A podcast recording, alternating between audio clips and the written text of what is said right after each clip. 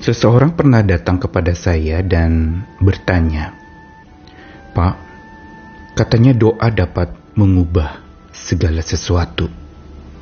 Tapi mengapa saya sudah berulang kali berdoa meminta kesembuhan dari Tuhan untuk hidup saya, kepulihan untuk keluarga saya, dan segala macam permohonan yang saya sampaikan, tak satu pun yang dijawab oleh Tuhan. Tidak ada perubahan yang signifikan yang saya alami. Jadi sebenarnya untuk apa saya berdoa? Bukankah doa itu harusnya membuat saya mengalami damai?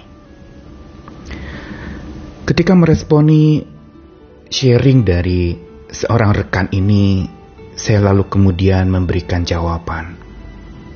Saya bilang tidak ada yang salah dengan berdoa, memohon untuk Tuhan berikan damai sejahtera itu. Tetapi ada satu hal yang perlu dicermati dan digarisbawahi pada saat kita berdoa, pada saat kita memohon kepada Tuhan. Maka sebenarnya apa yang akan terjadi itu tidak terjadi secara otomatis. Tuhan bukan pesulap yang lalu simsalabim, maka itu akan berubah seperti membalikan telapak tangan. Tuhan punya cara yang tentu saja mengajak kerjasama orang yang berdoa itu. Bukan semata ungkapkan kata-kata doa memohonkan kepada Tuhan lalu otomatis akan pulih. Otomatis masalah dan persoalan akan beres. Tidak ada yang otomatis dalam iman percaya kita.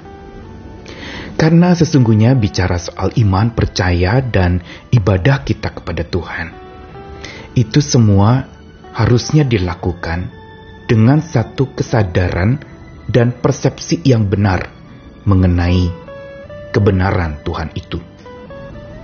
Yaitu bahwa ketika kita berdoa, ketika kita beribadah, apalagi dikatakan dalam roh dan kebenaran, harusnya pikiran kita, hati kita menyatu padu untuk terarah kepada Tuhan dan itu semuanya perlu proses.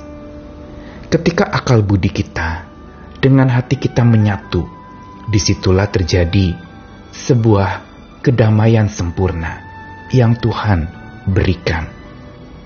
Karena bicara soal perubahan yang kita nantikan lewat doa-doa yang kita panjatkan, itu adalah perubahan yang melalui akal budi. Inilah karya Tuhan dalam mengubah manusia dia tidak mengubah keadaan sekelilingnya. Dia tidak mengubah orang-orang di sekitarnya. Tapi terlebih dahulu dia ubah pola pikir dan akal budi orang itu. Pertama-tama. Lalu setelah itu baru dia punya cara pandang yang baru, perspektif yang baru, dan melihat segala sesuatunya dengan sebuah sorotan iman yang baru. Untuk itu peran akal budi menjadi sangat vital di dalam hal ini. Karena dengan akal budi yang bersandar pada Tuhan itu, maka damai sempurna yang besar akan kita alami. Sebab hanya merekalah yang percaya yang akan diberdayakan oleh Tuhan.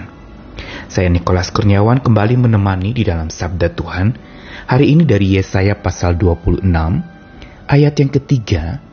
Saya bacakan pertama di dalam versi terjemahan baru yang hatinya teguh kau jagai dengan damai sejahtera, sebab kepadamulah ia percaya.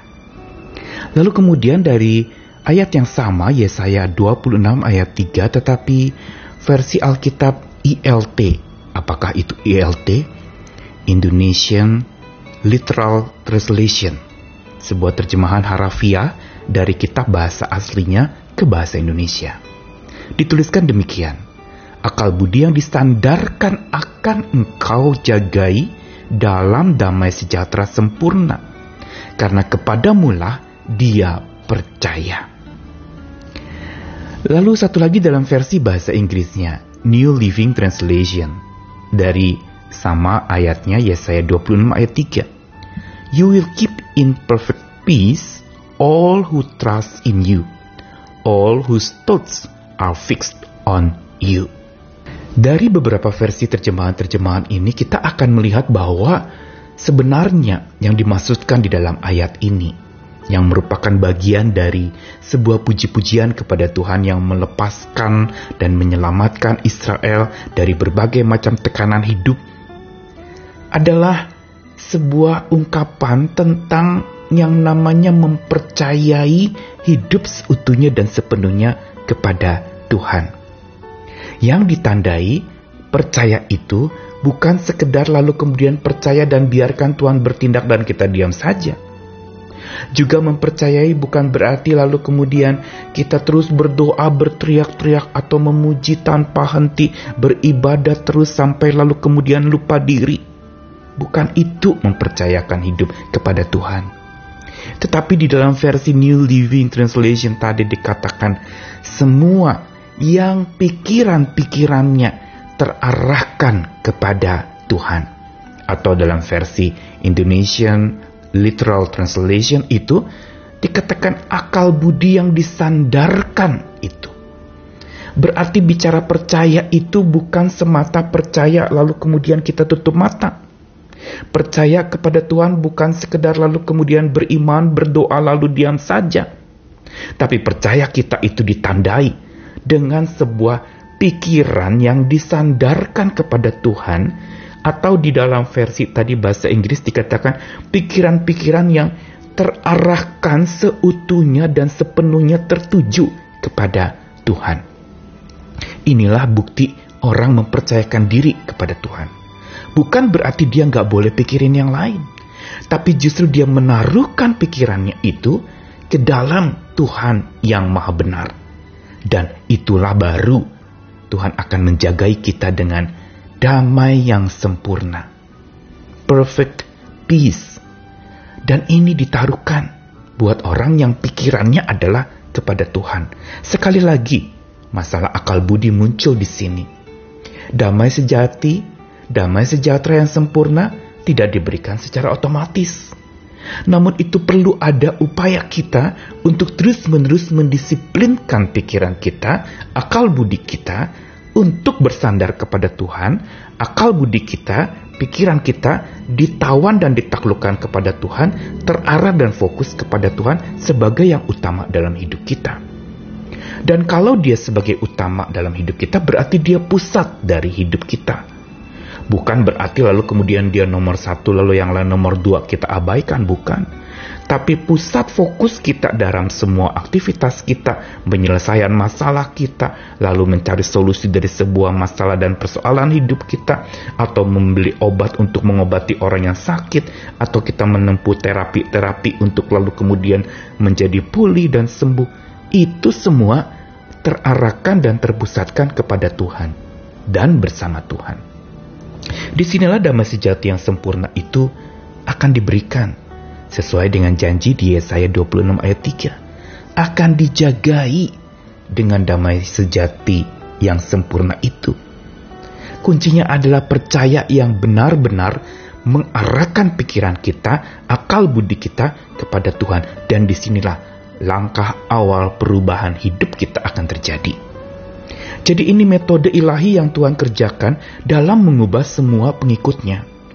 Dia ubah orangnya dulu, pertama-tama hatinya dulu, pikirannya dulu, terarah kepada Tuhan, baru keadaan sekitarnya itu berubah. Karena itu kadangkala Tuhan mengizinkan untuk keadaan sekitar kita tidak berubah. Demi apa? Tuhan mau kita dulu yang berubah, baru keadaan sekitar kita kita pandang dengan cara yang baru yang Tuhan sudah ubahkan itu. Karenanya mari kita dengan seksama dan dengan secara mendalam kita memikirkan hal ini sambil mendisiplin pikiran kita untuk benar-benar terarah sepenuhnya kepada Tuhan. Karena hanya orang yang pikirannya terarah kepada Tuhan, yang benar-benar percaya kepada Tuhan, yang hatinya tertuju kepada Tuhan, itulah yang akan diberdayakan dengan damai sempurna yang besar dari Tuhan Sang Maha Benar. Selamat memikirkan Tuhan, selamat menaruh pikiranmu kepada Tuhan, selamat mendisiplinkan pikiranmu terarah kepada Tuhan. Amin.